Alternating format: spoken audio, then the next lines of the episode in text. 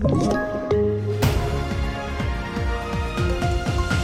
Det här är TV4-nyheterna. Nu har rättegången efter det mycket uppmärksammade mordet på Tove i Vetlanda inletts. Två kvinnor, 18 och 20 år gamla, misstänks för mord och grovt gravfridsbrott.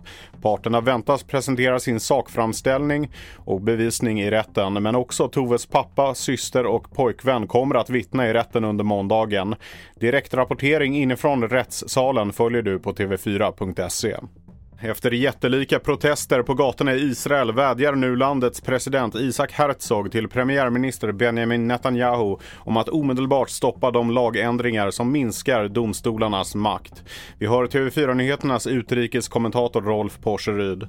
Han har en symbolisk eh, betydelse för landet men självklart att presidenten går in på det här sättet gör att Netanyahu är än mer pressad.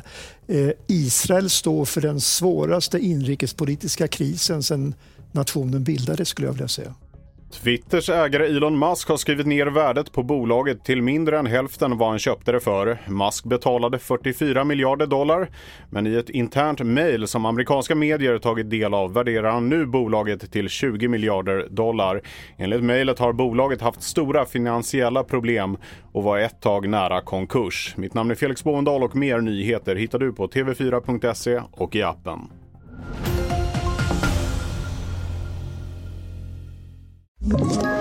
Ett poddtips från Podplay. I podden Något Kaiko garanterar östgötarna Brutti och jag, Davva, dig en stor dos skratt.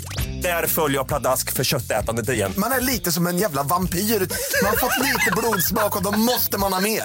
Udda spaningar, fängslande anekdoter och en och annan arg rant. Jag måste ha mitt kaffe på morgonen för annars är jag ingen trevlig människa. Då är du ingen trevlig människa, punkt. Något Kaiko, hör du på Podplay. Därför arkadeinerna.